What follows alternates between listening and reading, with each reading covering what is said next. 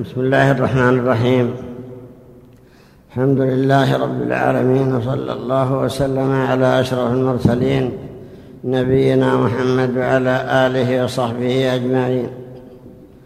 السلام عليكم ورحمة الله وبركاته. أسعد الله مساءكم بكل خير. وبعده فإن سيرة علمائنا سيرة العلماء الربانيين وتاريخ حياتهم ومعرفة شيء من أحوالهم وعلومهم مما يسر كل مؤمن أن يبتهج وأن يشنف سمعه بأخبارهم وبما كان من آثارهم فإنها دالة عليهم ودالة على جهودهم تلك آثارنا تدل علينا. فانظروا بعدنا إلى الآثار. لا شك أيها الإخوة أن علماء الأمة في كل زمان وفي كل مكان. هم أنوار البلاد وهم أئمة الدين وهم حملة الشريعة. بهم قام الكتاب وبه قاموا وبهم نطق الكتاب وبه نطقوا. حمى الله تعالى بهم دينه عن أن يعبث به العابثون. حمى الله بهم العلم الصحيح عن أن يضيع وعن أن يفقد شيء منه. وذلك فضل الله تعالى حتى تقوم حجته على من على آخر الأمة كما قامت على أولها. لا شك أن علماء هذه الأمة كما يقال أنهم بمنزلة أنبياء بني إسرائيل فإن بني إسرائيل كلما هلك نبي خلفه نبي وأما علماء هذه الأمة فإنهم يجتمع مجموعة كبيرة من العلماء في زمان واحد وكذلك في بلد واحد وكل منهم يقوم بما يقدر عليه من حمل للشريعة ومن بيان لها ومن إيضاح لما تدل عليه. وذلك فضل الله. يؤتيه من يشاء والله ذو الفضل العظيم.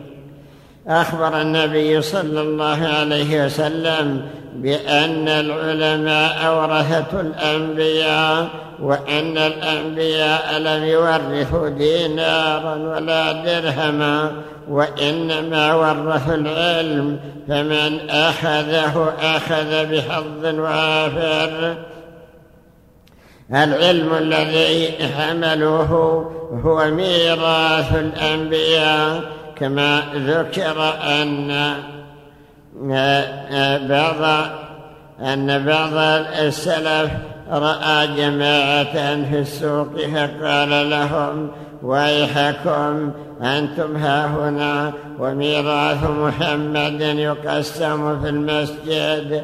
فلما قال ذلك اعتقدوا أنه ميراث حسي فأسرعوا إلى ذلك المسجد ولم يجدوا فيه إلا حلقات علم.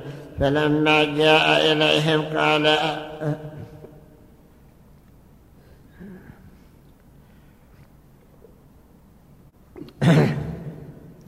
قال هذا هو الميراث الحقيقي. وإن من علماء هذا الزمان شيخنا ووالدنا وعالمنا عالم هذا الزمان الشيخ ابن باز رحمه الله وأكرم مثواه. فإنه من فطاحلة العلماء ومن أئمة الدين وممن حملوا الشريعة وممن قاموا بها أتم قيام. ولقد فقدت الأمة به عالما جليلا وإماما وقدوة. كان منيرا الطريق وكان عالما بالطرق السوية التي من سلكها نجا ومن أخطأها ضل كان إماما لأهل السنة والجماعة كما وصفه بذلك من عرفة لذلك نلقي الضوء على شيء من سيرته وإن كان الحاضرون وغيرهم يعرفونه وقد نهلوا من علومه غالبا وقد استفادوا من فوائده وقرأوا من كتبه وسمعوا فتاواه وسمعوا كلامه مباشرة أو في إذاعة أو نحو ذلك. ولكن مع ذلك نتذكر شيئا من سيرته حتى نعرف له حقه. وحتى نزوده بالدعوات ونترحم عليه وندعو له وحتى نقتدي به في علومه ونتبع ما سمعنا من فتاواه وما وصل إلينا من مؤلفاته ونسير على نهجه ونعرف أن نهجه وطريقته هي طريقة أهل السنة والجماعة وأنه لا يحيد عنها كيد شعرة وذلك لما آتاه الله تعالى من العلم الصحيح ومن العمل به. فنحب أن نتكلم عن سيرته بكلام يسير ثم بعد ذلك عن علمه وعن عمله الذي هو المهم في هذه الكلمة. وقبل ذلك نقول إنه قد كتب فيه كتب كثيرة وقد كتب عنه من يعرفه مقالات متوسعة. فقبيل موته رحمه الله كتب أحد تلاميذه كتابا كبيرا قد يبلغ نحو سبعمائة صفحة وسماه الإنجاز في ترجمة الشيخ ابن باز. وجمع فيه ما تيسر له من سيرته والمؤلف أحد الإخوة شاب اسمه عبد الرحمن بن يوسف الرحمة ولعلكم اطلعتم على هذا الكتاب أو سمعتم به. كذلك قبيل موته أيضا اهتم بعض أهل التسجيلات بشيء من ترجمته ومن جملتهم تسجيلات البردين. وأخذوا عن تلامذته مقالات يعرف بها شيء من حالته وشيء من علمه ولعلهم جمعوا في ذلك أشرطة أخذوها من تلامذته قبل موته. وهكذا أيضا بعد موته كتب فيه أيضا كثير وكثير من المشايخ ففي اليوم الذي مات فيه كتب أحد الإخوة في المنطقة الشرقية الذي هو محمد المنجد نحو أربع صفحات أو خمس مليئة ترجمة له. وذلك دليل على أنه قد عرفه وإن أن المعرفة لم تكن معرفة بالسماع بل معرفة بالمشاهدة وكذلك أيضا طلب منا بعض أهل الصحف أن نكتب له ترجمة فكتبت نحو أربع صفحات وأرسلت إلى مجلة الأسرة ولكنهم لم ينشروا إلا قطعا منها. وكل هذا دليل على اهتمام أهل هذه المملكة به وكذلك أيضا أهل الممالك الأخرى والدول الأخرى الذين وصل إليهم خبره والذين عرفوه والذين وصلت إليهم فتاواه قد أكثر من الثناء عليه. أما ما يتعلق بسيرته فنذكر شيئا منها على وجه الاختصار فنقول إنه رحمه الله ينتمي إلى أسرة من آل باز وكانت مساكنهم إلى الآن في حوطة بني تميم في حي العطيان وذكر أنه هو ولد في الرياض في عام ثلاثين في آخر السنة في عام ثلاثين وثلاثمائة. ولما ولد نشأ في هذه الأسرة التي فيها علم وفيها عمل. وقد ذكر من من هذه الأسرة شيخ يقال له عبد المحسن بن باز كان من المشاهير من العلماء واشتهر أنه تولى ولايات في القضاء ونحوها مما يدل على أن له مكانة وولد له أيضا ولد اسمه مبارك ويكنى بأبي الحسين بأبي حسين أدركته ورأيته يجلس إلى جانب الشيخ شيخا كبيرا والشيخ يسأله ويأخذ من أسئلته ومن أجوبته ما يدل على اعترافه واحترامه له.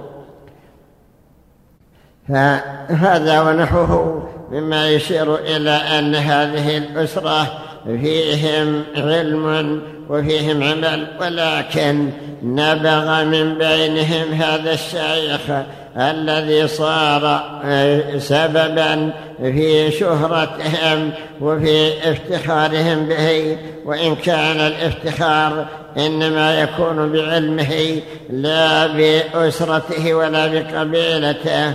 ومعلوم أن التفاخر إنما هو بالأعمال ليس التفاخر بالحسب وليس بالنسب وليس, وليس بآثار الآباء والأجداد إنما فخر الإنسان بعمله وبعلمه الذي وصل إليه. ولقد كان رحمه الله تعالى يذكر كثيرا من الذين يفتخرون بأنسابهم ويقول لهم إن الشرف إنما هو بالدين إن أكرمكم عند الله أتقاكم. فلا يضر الإنسان كونه من الموالي أو كون آبائه وأجداده ليسوا بمشاهير إنما, يفعل إنما ينفعه ما عمله وما قدمه.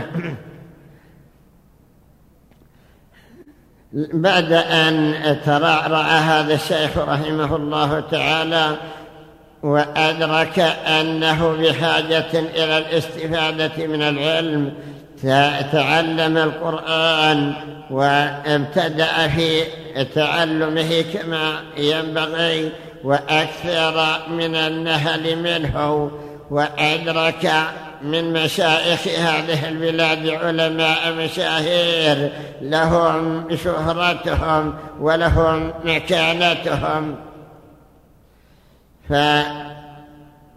فمنهم الشيخ سعد بن حمد بن عتيق كان يعترف بفضله كان الشيخ سعد رحمه الله ضريرا ولكنه كان نابغة في نابغة وقته وإمام وقته أخذ عنه قراءة وسماعا وكذلك الشيخ سليمان بن سحمان هو أيضا مشهور وهو الذي فرغ وقته للردود على المبتدعة ونحوهم.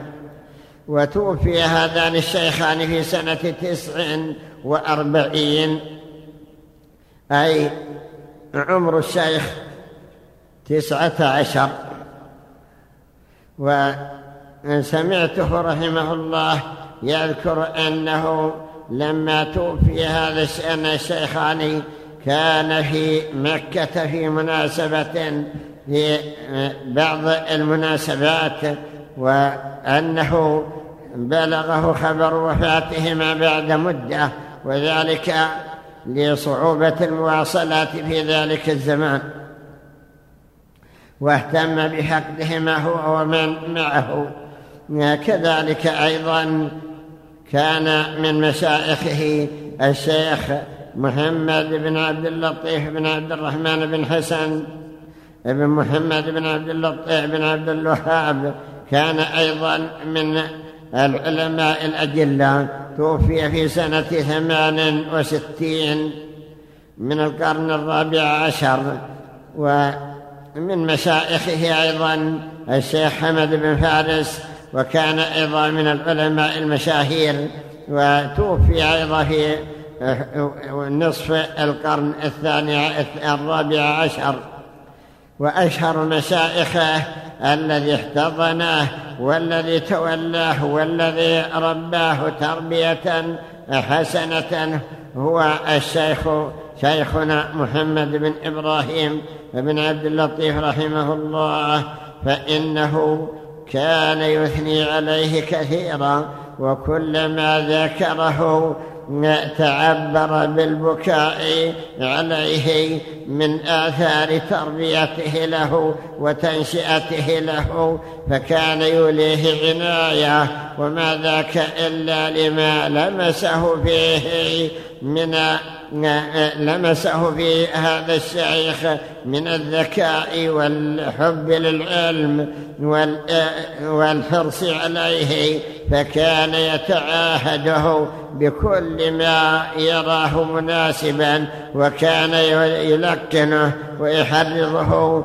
على الطلب ويحرضه على الحفظ والإتقان. فهؤلاء أكبر وأشهر مشائخه وله مشائخ آخرون. معروف أيضا أنه أخذ على عن عدة من أهل زمانه. ذكر أنه فقد البصر في سنة تسع عشرة أو في وعمره تسع عشرة أي في سنة تسع وأربعين. كان ضعف بصره قبل ذلك بثلاث سنين ولكن فقده كليا في تلك السنة. ذكر ذلك في رده على بعض المبتدعة. يمكن قرأتم رده على الصواف. لما ذكر الصواف أن الأرض تدور فرد عليه وأخبره وقال إننا نشاهد الأماكن في, أما في مواضعها لا تتغير النجوم لا تتغير وكذلك الشمس والقمر ونحو ذلك. فطعن فيه الصواب بأنك ضرير لا تبصر فأخبر بأني ما فقدت البصر إلا وأنا كبير. أي في السنة التاسعة عشر أو في السنة العشرين رأيت ما يراه الناس فكيف ترد علي وتقول إنك لا تبصر؟ فبهذا تحققنا أنه فقد بصره وعمره تسعة عشر أو قريبا من العشرين. لما فقد بصره لم يهنه ذلك عن المواصلة بل جد واجتهد في مواصلة الطلب. رزقه الله تعالى حفظا ورزقه ذكاء فكان لا يسمع فائدة إلا حفظها. كان نابغة في زمانه في الحفظ وفي الذكاء وفي سرعة الفهم وفي الاستظهار. سمعته مرة لما سئل لما سئل عن أفضل المتون التي يحفظها الطالب فأرشد إلى كثير من المتون وذكر أنه كان ممن اهتم بها في طلبه وحفظها فحث على كتاب التوحيد حفظا وعلى ثلاثة الأصول وعلى أربع القواعد وعلى العقيدة الواسطية. وكذلك حث على كشف الشبهات ونحوها مما يتعلق بالعقائد. وكذلك أيضا حث في كتب الحديث على بلوغ المرام وعمدة الأحكام والأربعين النووية وذكر أنها من جملة ما حفظه ومن جملة ما حرضه المشايخ على حفظها. وكذلك في كتب الفقه حث على كتاب زاد المستقنع وذكر أنه وتلامذته وما زملاءه كانوا يحفظونه يحفظونه متنا ولا يخفى عليهم شيء منه. وهكذا أيضا في النحو ذكر أنه حافظ الآج الرمية وحفظ ألفية ابن مالك وكذلك أيضا في الفرائض كان حافظ الرحبية وحفظ غيرها من ألفية, من ألفية الفرائض أو أكثرها. هذا دليل على اهتمامه رحمه الله تعالى بحفظ المتون فكان يوصي بحفظ هذه المتون ويقول إن حفظها سبب لبقاء المعلومات إن الذي لا يحفظ المتون تذهب عليه هذه المحفوظات ولو أنه مثلا حفظ أو فهم المعاني أما قراءته في الكتب الأخرى فحدث ولا حرج فلقد كان رحمه الله تعالى يحضر عند مشايخه الكتب المطولة ويسمع بعدما كف بصره يسمع كتب التفسير وشروح الأحاديث والكتب المطولة فيما يتعلق بالأحكام وما أشبهها فكان يستظهر غالبا ما يحفظ ما يمر به ويحفظه و يبقى معه بحيث أنه لو سئل بعد عشر سنين عن حديث مر به مرة واحدة لأدرك متى حفظه وقال حفظته أو مر به في ذلك اليوم أو المكان الفلاني وهكذا. بعدما بلغ السابعة والعشرين رأى شيخه رحمه الله أنه ذو مكانة وأنه ذو أهلية فولاه القضاء في إحدى قرى آه، الخرج في قرية الدلم ولما تولى القضاء كان القضاء في ذلك الوقت سهلا. ليس فيه كتابات صكوك ولا كتابات وثائق ولا سجلات ولا ضابط وإنما يقضي بين الإثنين في مجلسه دون أن يسجل شيئا مما يشغل به الوقت. ومع ذلك فإن أهل تلك البلدة أحبوه ووقروه ورغبوا أن يبقى عندهم وما ذاك إلا لما يتمتع به من أخلاق ومن آداب شريفة فتمنوا أن يبقى عندهم في مدة بقائه عندهم من سنة سبع سبع وخمس وخمسين إلى سنة إحدى وسبعين أي نحو أربع عشرة سنة لم يكن مهملا للعلم ولا للتعليم بل إنه كان يعلم ويدرس ويتوافد إليه الطلاب من الخرج ومن الحوطة ومن الرياض ويقرؤون عليه.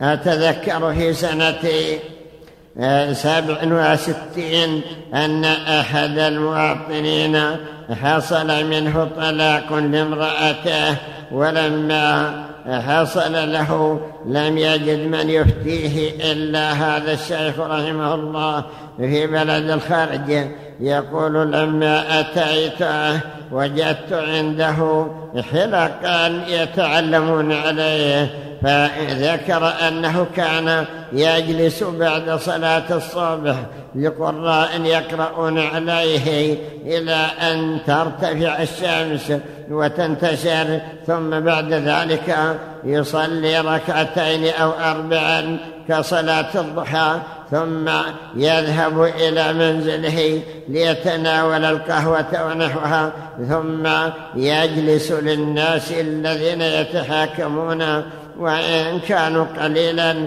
ومع ذلك جلوسه لم يكن فراغا ولم يكن مجلسه مجلس قيل وقال وإنما إذا لم يأته أحد من الخصوم عمر مجلسه بالقراءة بقراءة الكتب المفيدة حتى لا يضيع عليه شيء.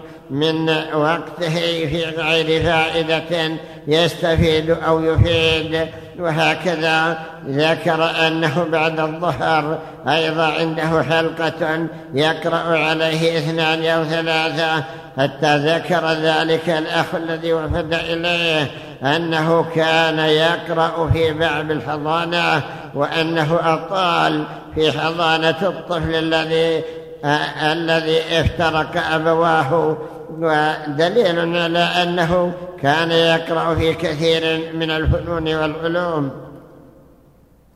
ولما فتح المعهد العلمي في سنة سبعين واستمر التدريس فيه في سنة إحدى وسبعين رأى سماحة الوالد الشيخ محمد بن, بن إبراهيم رحمه الله أن من أولى من يتولى التدريس فيه هذا الشيخ رحمه الله فاستقدمه ولما قدم استؤجر له سكن في حي يقال له حي المليحة في الرياض في بيت طين مشهور في ذلك الزمان.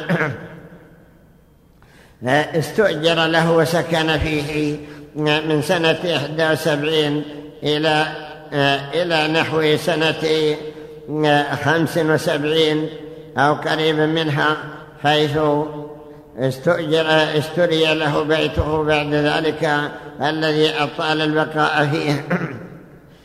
كان في هذه المدة يدرس في المعهد العلمي في دروس العقيدة وما ذاك إلا لأهميتها ولأن أغلب من يدرس في ذلك المعهد أغلبهم متعاقدون فأسند إليهم علم القواعد وعلم الأصول وعلم شيء من التفسير والأحكام. وأما علم العقيدة فأسند إلى أمثال هذا الشيخ. ولما فتحت كلية الشريعة في سنة ثلاث وسبع في سنة ثلاث وسبعين عند ذلك نقل إليها فكان رحمه الله يتنقل مع السنة الرابعة مع السنة الأولى إلى أن انتهوا في السنة الرابعة. يتابعهم ويعلمهم سنة بعد سنة. كما ذكر ذلك أحد تلامذته قال إنه من فضل الله يتنكل معنا درسنا في السنة الأولى ولما انتقلنا إلى الثانية انتقل إلينا وهكذا إلى السنة الرابعة واستمر على ذلك مدرسا. ومع ذلك فإنه لم لم يقتصر على هذا التدريس النظامي. ففي آخر سنة أربع وسبعين توفي إمام المسجد الجامع الكبير ويقال له ابن عدوان أو ابن عيدان. ولما توفي لم يرى الشيخ رحمه الله كفءا لهذا المسجد إلا شيخنا الشيخ بن باز فأمر أن يؤم المسجد. ولما أمره لم يكن هناك سيارة تنقله من ذلك المكان فاشتري له البيت الذي أطال البقاء فيه في حي البديع أو قريبا منه.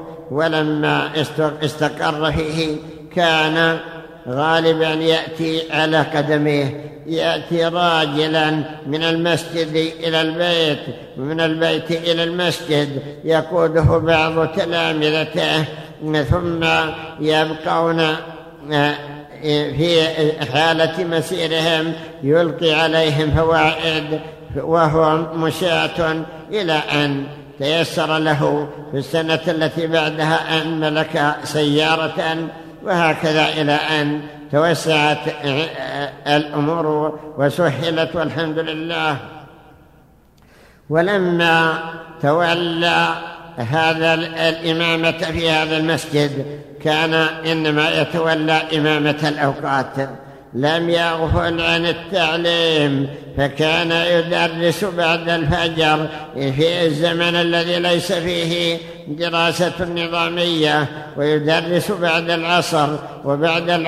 بعد المغرب فكنا نحضر عنده بعد العصر إلى أن يمضي نصف الوقت يقرأ عليه في كتب مطولة وكان يحب صحيح مسلم وذلك لحسن ترتيبه وتبويبه فقل أن يغفل أن يتركه سنتين لا يقرأ فيه قل ما كان يترك قراءته فيه يقرأ عليه أحد الزملاء كلما قرأ عليه بابا أو بابين. توقف وأخذ يشرحه شرحا متوسطا ويبين ما فيه وكذلك أيضا يقرأ عليه زميل الآخر أيضا في كتابه إعلام الموقعين لابن القيم وأتمه في نحو أربع سنين أو خمس سنين وكان أيضا يهتم بقراءته ويوصي به. يذكر أنه كتاب مفيد.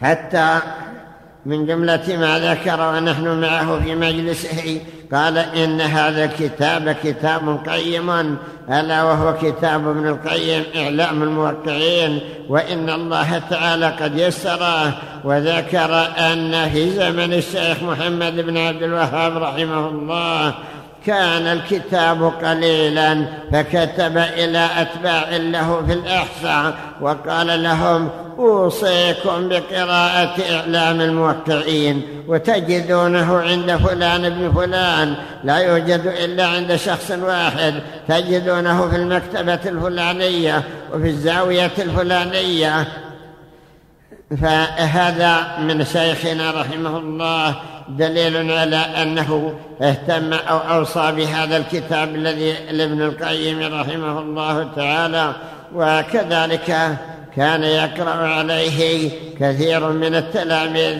حفظا كالعقيدة الواسطية ونظرا ككتب ابن القيم التي لها أهمية مثل زاد المعاد وما أشبهه.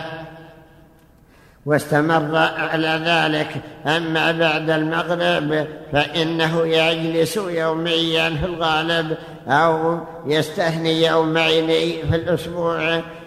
هذا المجلس يقرأ فيه وأكثر ما يقرؤون عليه في كتاب الرحبية في الفرائض. فكان يكرر الجملة التي تقرأ عليه وإذا كررها أخذ يسأل كل واحد فردا فردا أن يعيد هذه الجملة. فمنهم من يصيب ومنهم من يخطئ وإذا أخطأ أحدهم صوبه وقال الصواب كذا وكذا ثم بعد ذلك يلقي عليهم أسئلة أسئلة أي مسائل فرضية فيقول اقسم يا فلان فإذا أعطاه مسألة فيها مثلا زوج وأم وأخت ونحو ذلك وأخطأ في قسمتها أمره بأن يعيدها يجلس عنده كثير من المبتدئين. مبتدئون لا يعلمون شيئا ولكن يتابعونه إلى أن يحصلوا على شيء من العلم. ثم لما اشتهر بعلمه كان الناس يقصدونه للإفتاء مع أن هناك قد أسست دار الإفتاء التي يجلس فيها ويرأسها الشيخ محمد بن إبراهيم رحمه الله ولكن الفتاوى الشفهية لا يقنع فيها أحد إلا بفتوى هذا الشيخ فكان يصلي معه في كل وقت.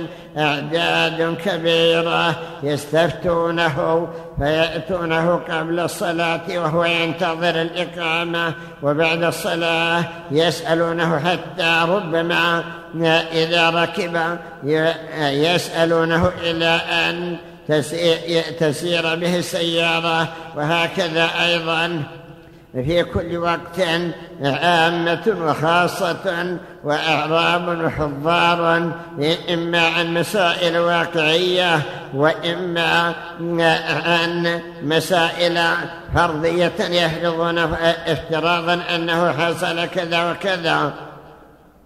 وقد فتح الله تعالى عليه كان يجيب على كل بما يناسبه. لا شك أن هذا مما دل على مكانته في النفوس وعلى محبته من العامة والخاصة. واستمر على ذلك إلى سنة 81 حيث نقل إلى المدينة نائبا لرئيس الجامعة الإسلامية. عرفته رحمه الله في سنة أربع وسبعين عندما فتح معهد إمام الدعوة حيث فتح في ذلك الزمان وأتينا لأجل التسجيل في ذلك المعهد. فلما قدمنا كان لا بد أن يحصل اجتماع به غير الاجتماع به في المسجد في تلك الحلقات. فرتبوا ليلة في الأسبوع عند أحد المشايخ عند شيخنا الشيخ عبد العزيز أبو حبيب الشهري رحمه الله وكان يحب المشايخ ويحب مجالستهم فكان يفد إليه الشيخ عبد الرزاق العفيفي رحمه الله والشيخ محمد مختار وشيخنا الشيخ عبد العزيز بن باز في كل ليلة جمعة فكنت أقرأ عليهم كل يوم حديثا في صحيح البخاري فتارة يشرحه وتارة يكل شرحه إلى الشيخ عبد الرزاق. لما فتح الله تعالى عليه من العلم. ثم نقرأ أيضا في كتب أخرى في مقدمة في التفسير أو في بعض التفاسير في تفسير ابن كثير وكان يحبه كثيرا ويحب إكثار القراءة فيه. استمروا على ذلك عدة سنوات. في كل ليلة جمعة مساء الخميس يجلسون في ذلك المجلس. وهكذا أيضا إذا ضمه مجلس إذا استضافه أحد واستزاره لطعام واجتمعنا معه فتعرفون أيضا أنه لا يترك ذلك المجلس خاليا عن فائدة بل إما أن يستصحب معه قارئا يقرأ عليه وإما أن يأمر أحد الحاضرين أن يقرأ آيات من القرآن ثم يشرحها ويعلق عليها بما تيسر.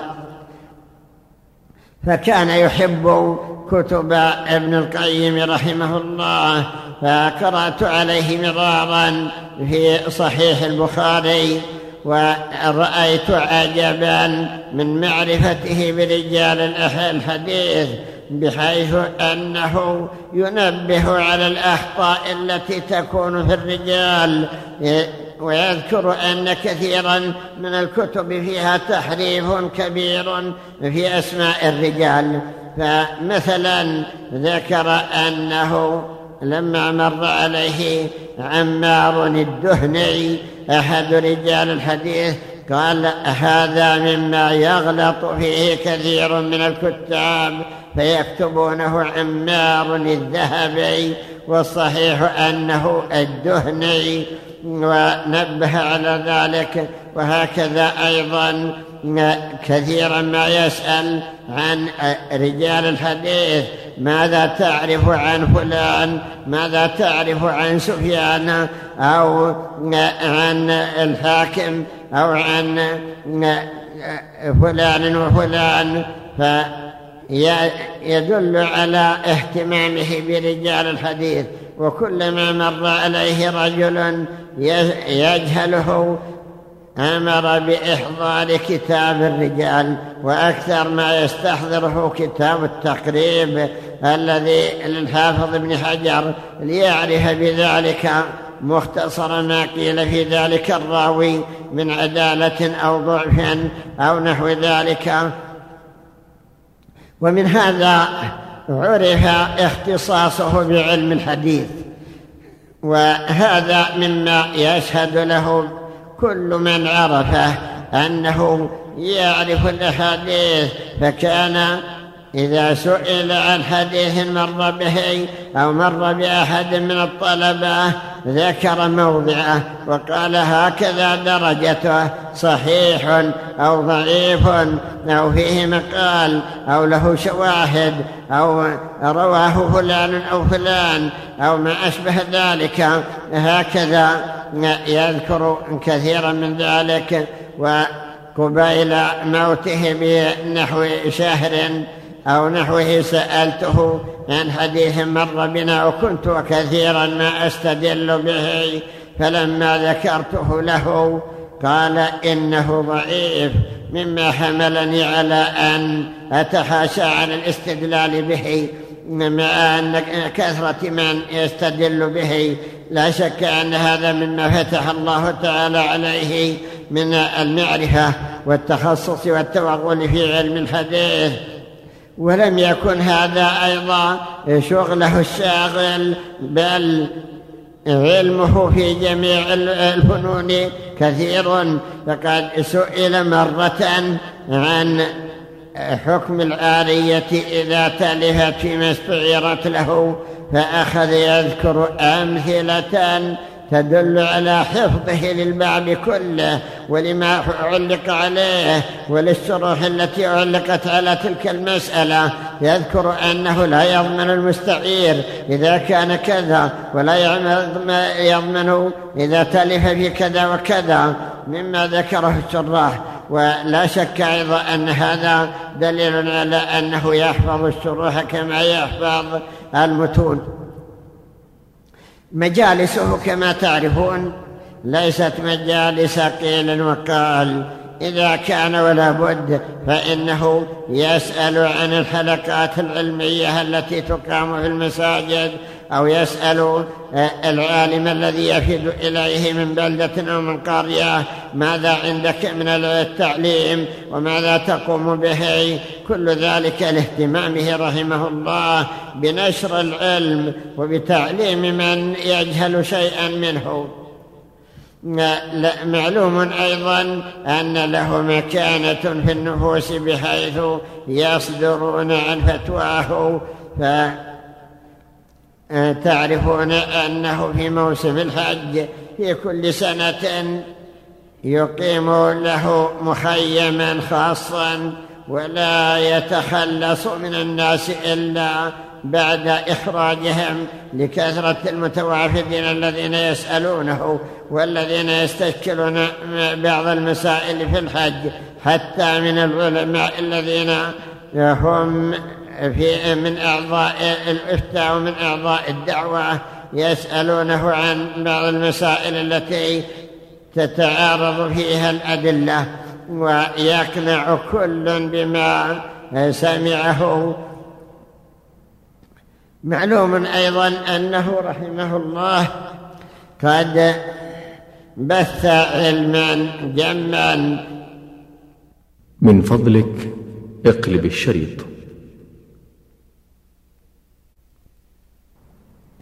معلوم أيضا أنه رحمه الله قد بث علما جما فتخرج على يده علماء تولوا مناصب كثيرة كبيرة لها مكانتها ولها أهميتها ولا حاجة إلى ذكرهم فأغلبهم على قيد الحياة وفقهم الله تعالى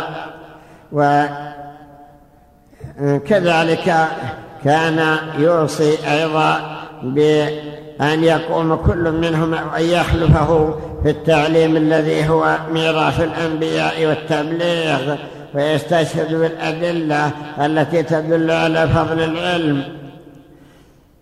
نفع الله تعالى بفتاواه وبمؤلفاته رسالته التي في الفرائض كتبها وعمره نحو ثلاثين سنة أو أقل منها التي هي التي تسمى الفوائد الجلية في المباحث الفرضية.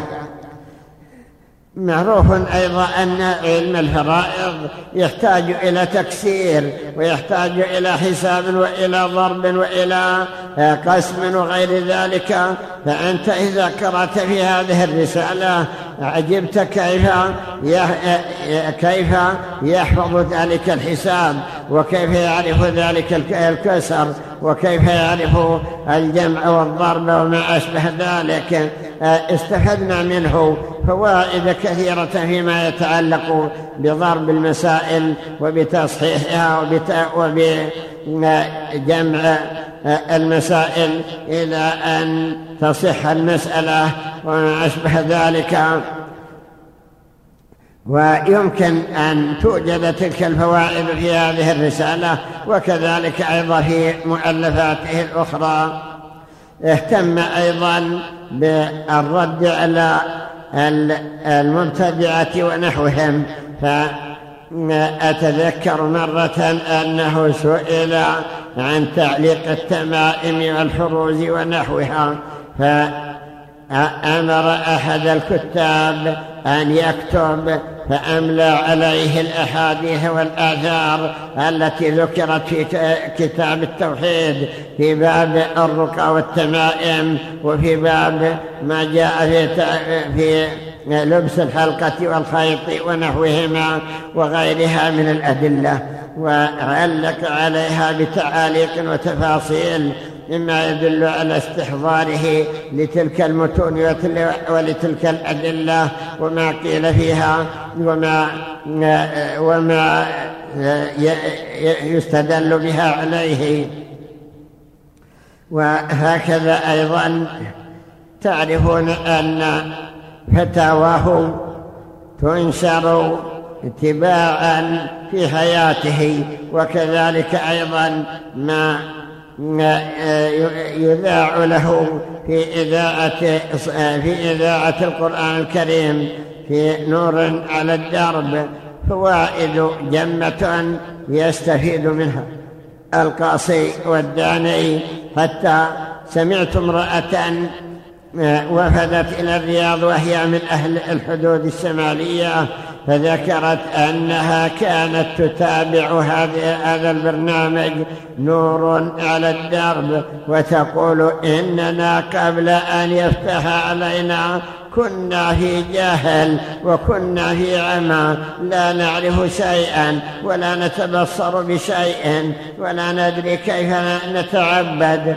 فبمتابعة هذا البرنامج وبالأخص ما يتكلم فيه هذا الشيخ تنورنا وعرفنا كثيرا واستفدنا فوائد عرفنا كيف نتقرب إلى الله وكيف نتحاشى المحرمات وما أشبهها. وقد اعتنى بهذا البرنامج بعض من المتابعين له وسجلوه ويسعى في تفريقه وإضافته إلى مؤلفاته وكذلك أيضا مؤلفاته التي هي فتاواه قد طبع منها أكثر من عشرة مجلدات أكثرها تتعلق بالتوحيد وتتعلق بالعقائد وبقيتها في طريقه إلى النشر إن شاء الله تعالى وقد تبلغ ثلاثين مجلدا كلها من الفتاوى التحريرية والتي أخذت إما من محاضرات ألقاها وإما من فتاوى كتبها مع غيره وإما من فتاوى انفرد بها وهذا هو الغالب وكذلك أيضا مؤلفاته التي كتبها لمناسبات لا شك أيضا أنها مفيدة وتدل أيضا عليها كثير من عناوينها.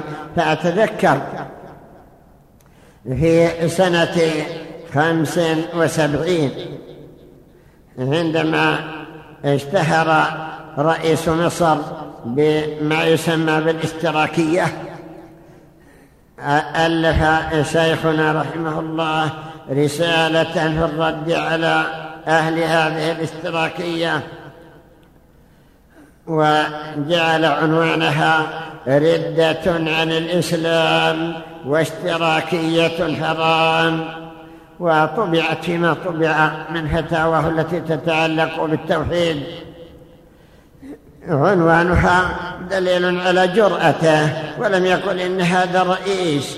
أو أنه رئيس دولة وأنه سوف يفتك بنا أو سوف يقاطع أو سوف يعمل لا يهمه. هذا بعض مما يتعلق بعلومه التي بثها رحمه الله تعالى والتي يرجى أن يستمر أجره لها يستمر أجرها له بعد وفاته ويدخل في العلم النافع الذي ورثه غيره. فقد قال النبي صلى الله عليه وسلم إذا مات ابن آدم انقطع عمله إلا من ثلاث صدقة جارية أو علم ينتفع به أو ولد صالح يدعو له فالعلم الذي ورثه لا شك أنه علم جم وأنه مما فتحه الله تعالى فتح الله عليه وليس كله مما تلقاه عن مشايخه ولكنه فضل الله تعالى يفتحه على من يشاء. قد نقل عن شيخ الإسلام رحمه الله لما ذكر الأثر الذي يقول من عمل بما علم أورثه الله علم ما لم يعلم. فيقول شيخ الإسلام إن هذا شيء مشاهد محسوس أن كل من رزقه الله تعالى العلم بما عمله فإن الله تعالى يفتح عليه علوما لم يكن تعلمها. وهذا ما لمسناه في شيخنا. أما عمله رحمه الله فحدث ولا حرج فدائما يلهج بالدعاء يدعو ربه إذا نزلت بالمسلمين النازلة لا يخلو من دعاء الله تعالى وكلما سأله شكا إليه أحد مصيبة أو نازلة دنيوية أو دينية أوصى من حوله بالدعاء لدعاء الله تعالى والابتهال إليه والإلحاح في الدعاء ويخبرهم بأن الرب سبحانه يحب الملحين بالدعاء. هذه من أشرف خصاله. كذلك أيضا مواظبته على العبادة. لم يكن يخل بالصلاة في آخر الليل يقول ذلك من صاحبه. حتى ولو تأخر مبيته ومنامه في أول الليل لم يكن يخل به. ربما يسهر في بعض الليالي إلى آخر الليل فلا يخل بالصلاة فيه. فأتذكر مرة في شهر رمضان كان الناس في العشر الأواخر يقومون ثلاثة يقومون ثلاث قيامات. أول الليل بعد صلاة العشاء يقرؤون يصلون عشر ركعات ويقيمون فيها نحو ساعة أو أكثر. ثم يرجع يرجعون يستريحون قليلا. ثم يقومون أيضا ويصلون أربع ركعات طويلة في نحو ساعة أو ساعة ونصف ثم يستريحون بعد ذلك. فلما رجع بعد صلاة الأربع ركعات إلى منزله كنا عنده في منزله الذي في حي البديع الذي أطال فيه أو الديع لما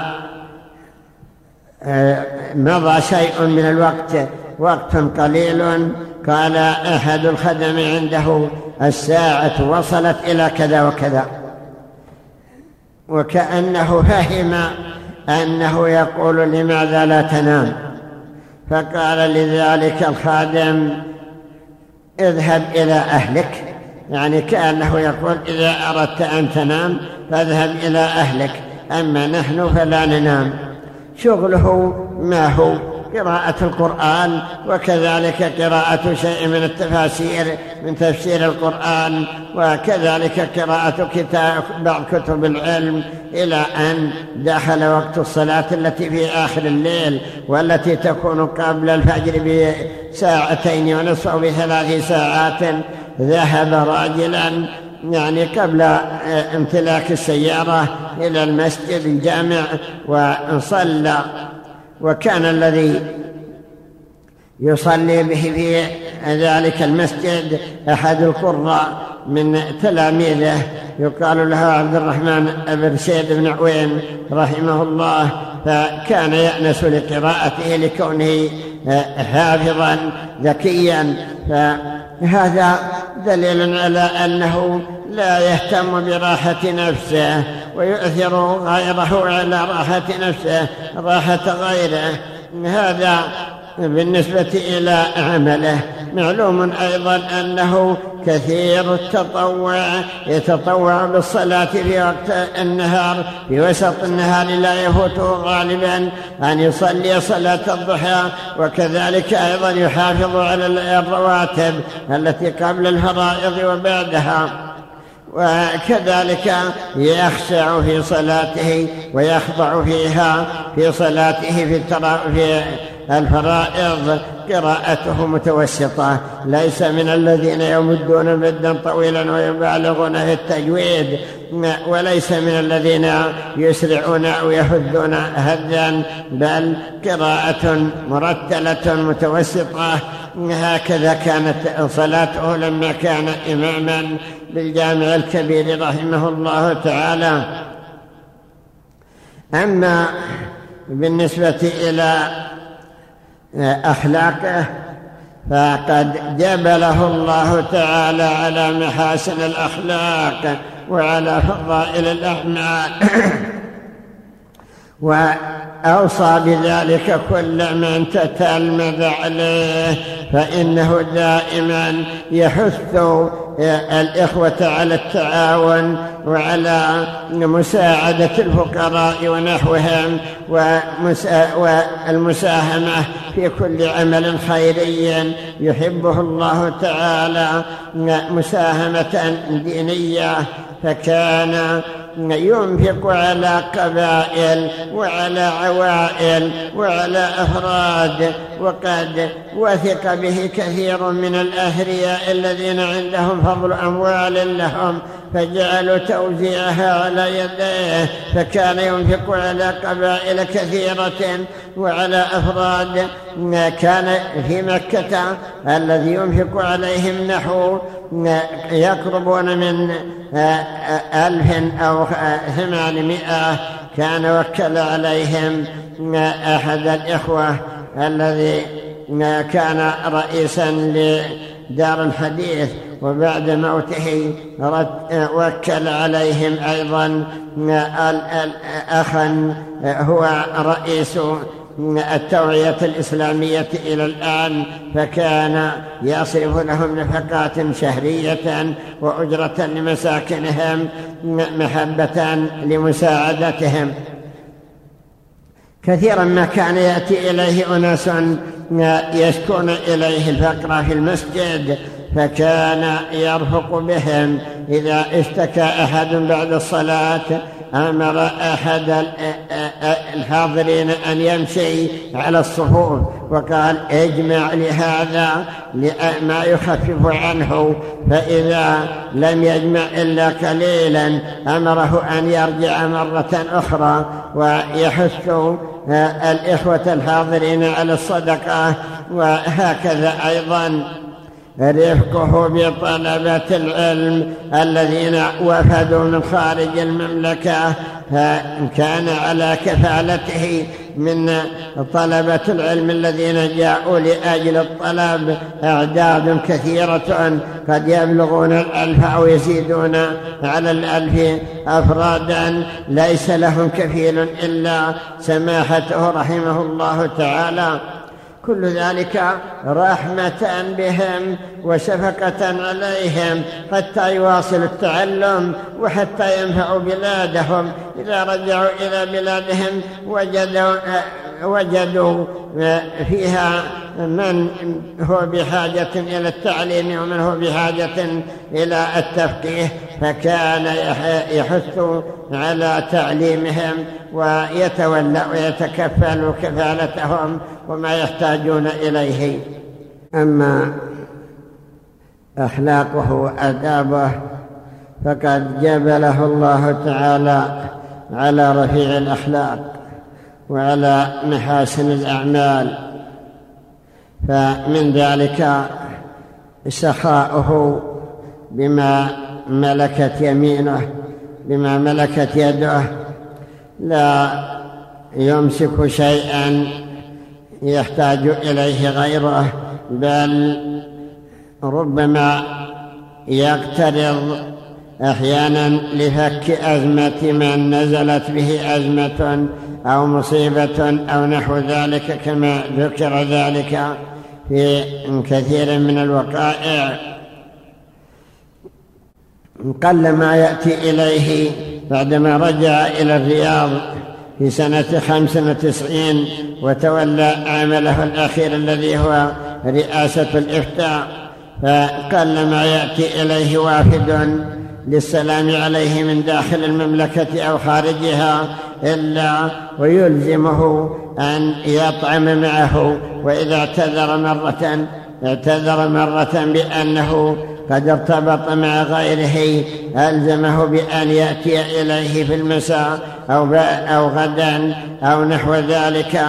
وهذا مما يمدح به الإنسان كما قال الشاعر ويظهر عيب الناس في ويظهر عيب المرء في الناس بخله. ويستره منهم جميعا سخاء فالسخاء من شيم أهل الوفاء وأهل الخير كما ورد في الحديث السخي قريب من الله قريب من الناس قريب من الجنة بعيد من النار والبخيل بعيد من الله بعيد من الناس بعيد من الجنة قريب من النار. فسخاؤه مضرب مثل لا يكاد أن يصدق من يحكى له قصة من القصص قلما يأتي إليه أحد إلا ويطعمه ويستضيفه. وكذلك أيضا لم يكن يسرف في الولائم ونحوها. يحب الاقتصاد ونحوه.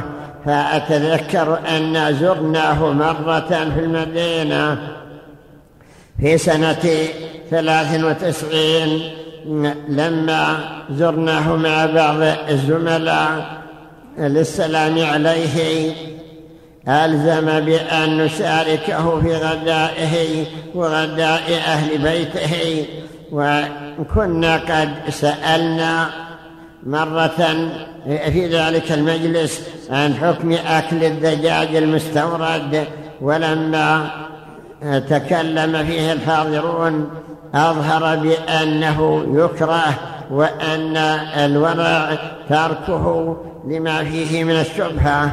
فلما قدم ذلك الطعام وإذا عليه شيء من لحم الدجاج فاعتذر وقال كلوا هنيئا فإن هذا من الدجاج الوطني وإننا لا نتعامل مع شيء فيه شبهة ليطمئن الحاضرين. لا شك أن هذا من حسن خلقه وقل أن يأتي إليه إنسان يطلب مالا أو يشكو إليه فاقة إلا ويخفف عنه ويعطيه مما تيسر.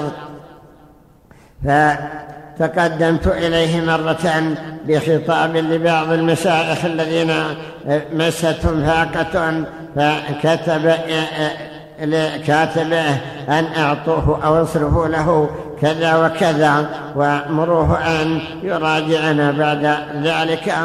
وهكذا أيضا شفاعته لكثير من المستضعفين فكم شفع في أناس تحملوا ديونا مرهقة لهم فخفف الله تعالى عنهم بشفاعته.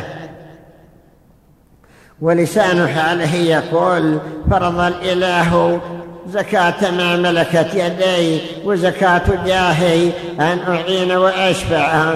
فكان يكتب لكثير من التجار فيتبرعون بما تيسر ويكتب لكثير من الأمراء فيوفون كثيرا من الديون التي أرهقت كثيرا من المواطنين ونحوهم.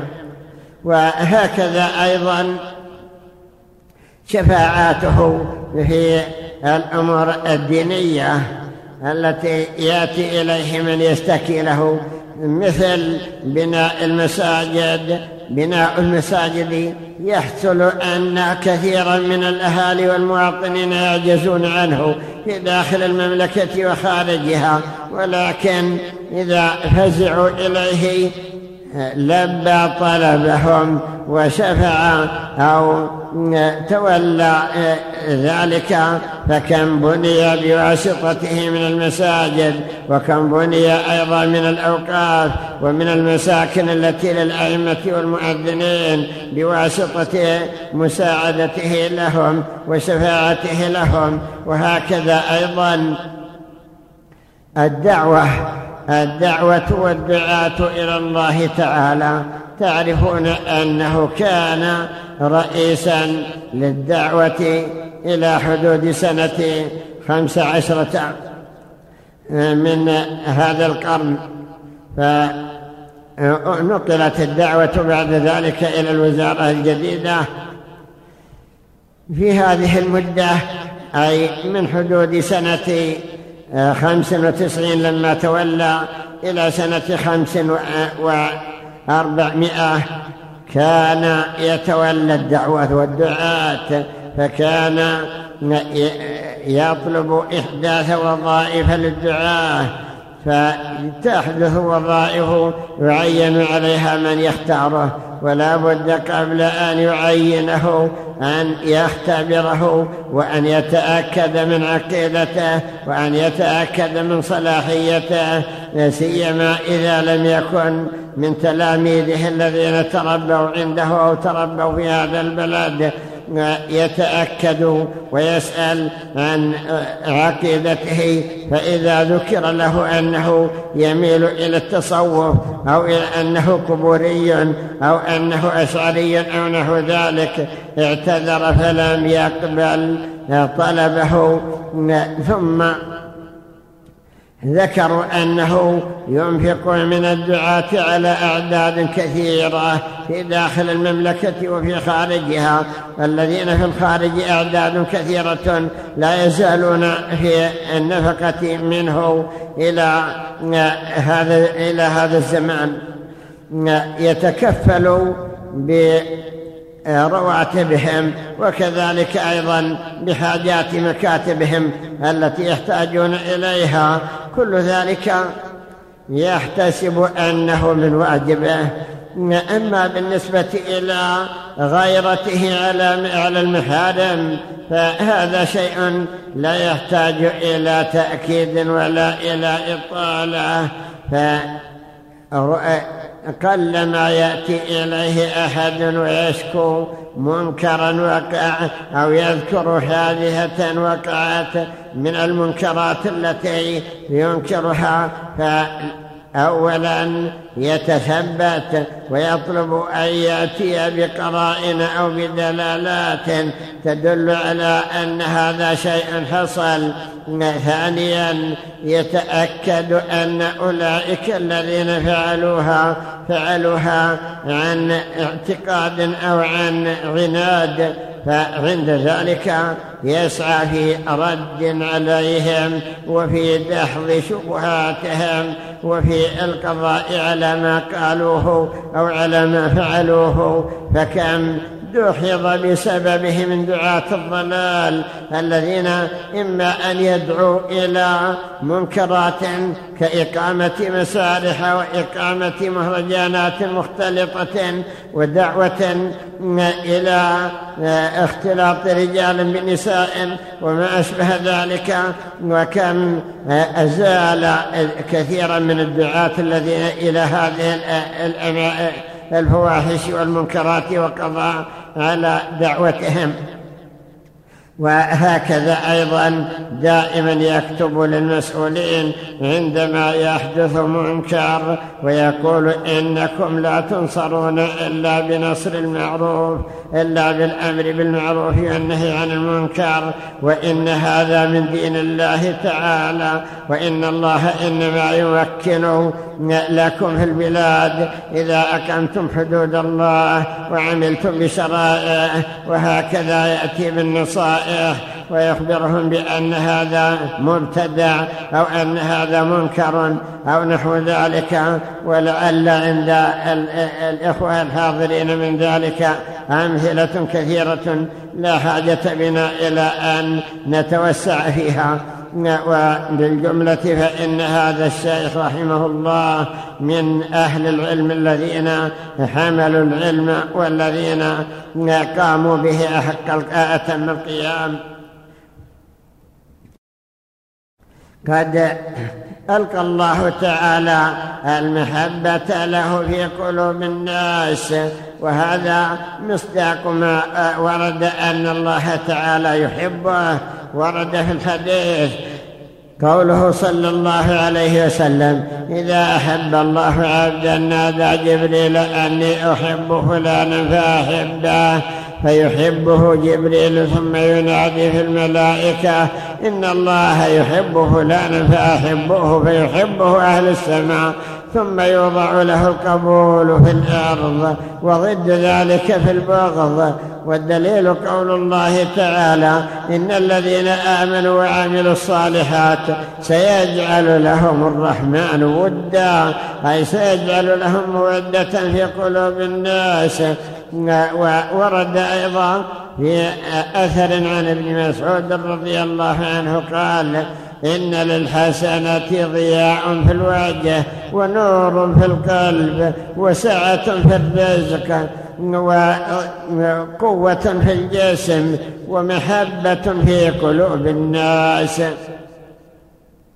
وهذا ما حصل لشيخنا رحمه الله محبة في قلوب الناس وكذلك أيضا هذه الآثار كلها بياض في الوجه ونور في القلب وقوة في الجسم. لم يزل قويا أمده الله تعالى بقوة إلى أن قارب تسعين سنة من العمر وهو يقوم بأعماله بنفسه ويسير وإن كان مع الكبر قد أضر به أو أوهنه الكبر شيئا كما قال الله تعالى عن عن زكريا إني وهن العظم مني يستعل الرأس شيبا قد بلغت من الكبر عتيا ولكن ما عاقه رحمه الله تعالى ذلك الوهن عن هذه الأعمال. متعه الله تعالى بعقله.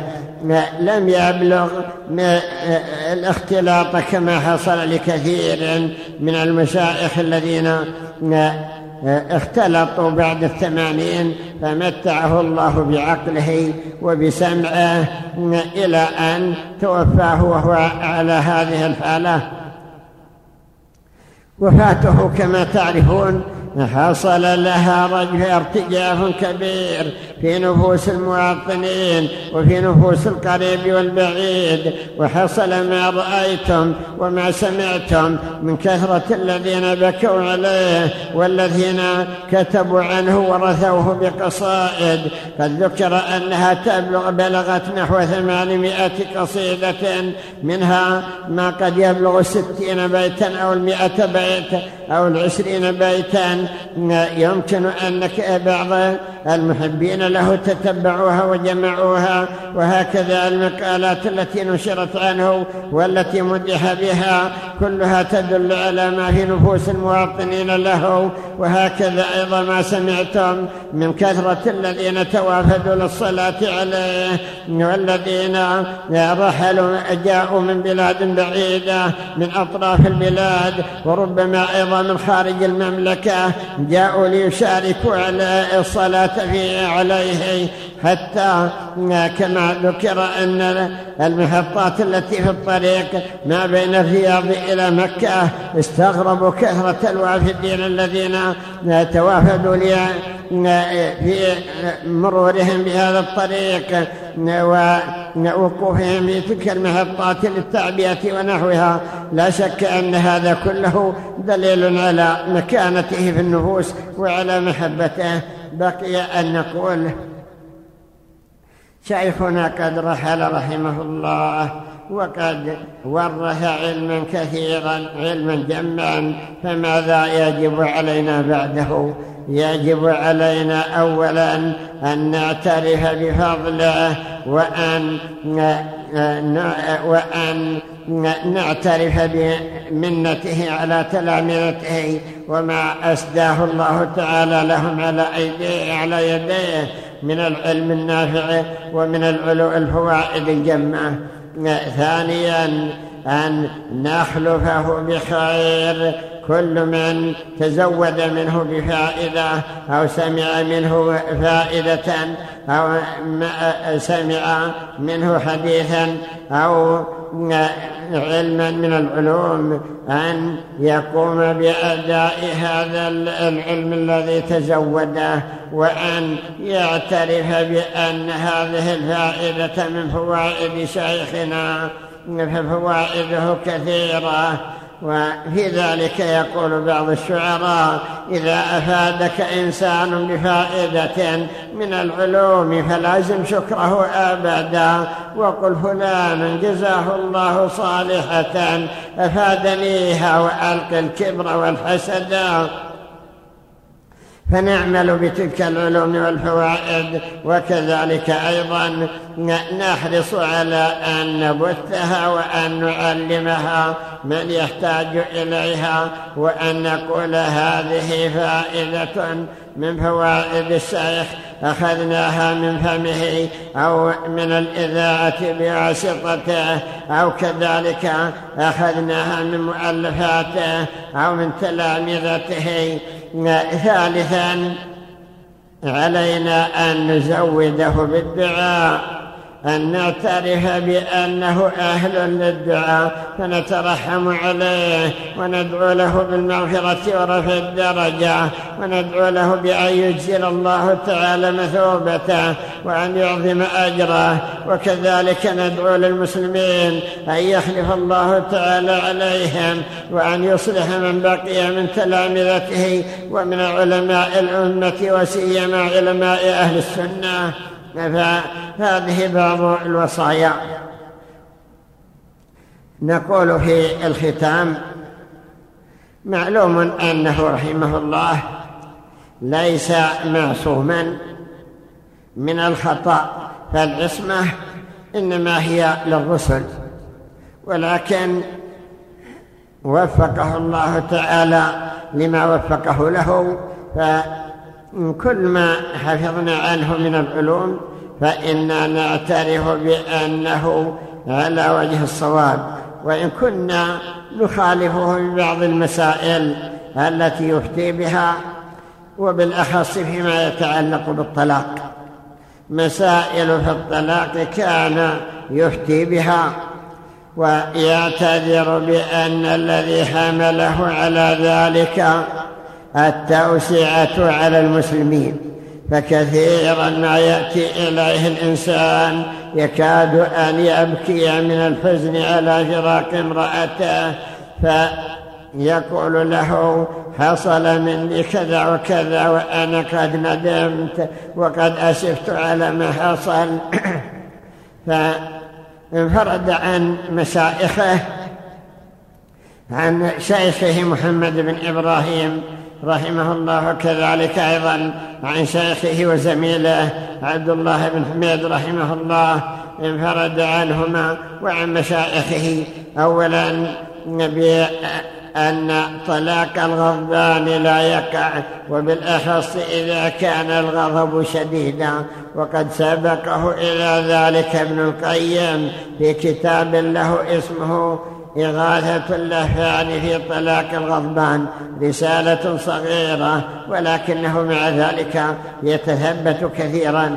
وهكذا أيضا مسألة جمع الثلاث بكلمة واحدة إذا قال طالق ثلاثا فإنه يجعلها طلقة واحدة. ودليله حديث عن ابن عباس في صحيح مسلم وفي السنن عمل به وإن كان الذين تركوا العمل به لهم أعذار كثيرة وهكذا أيضا يرخص في طلاق السكران لأنه لا يقع.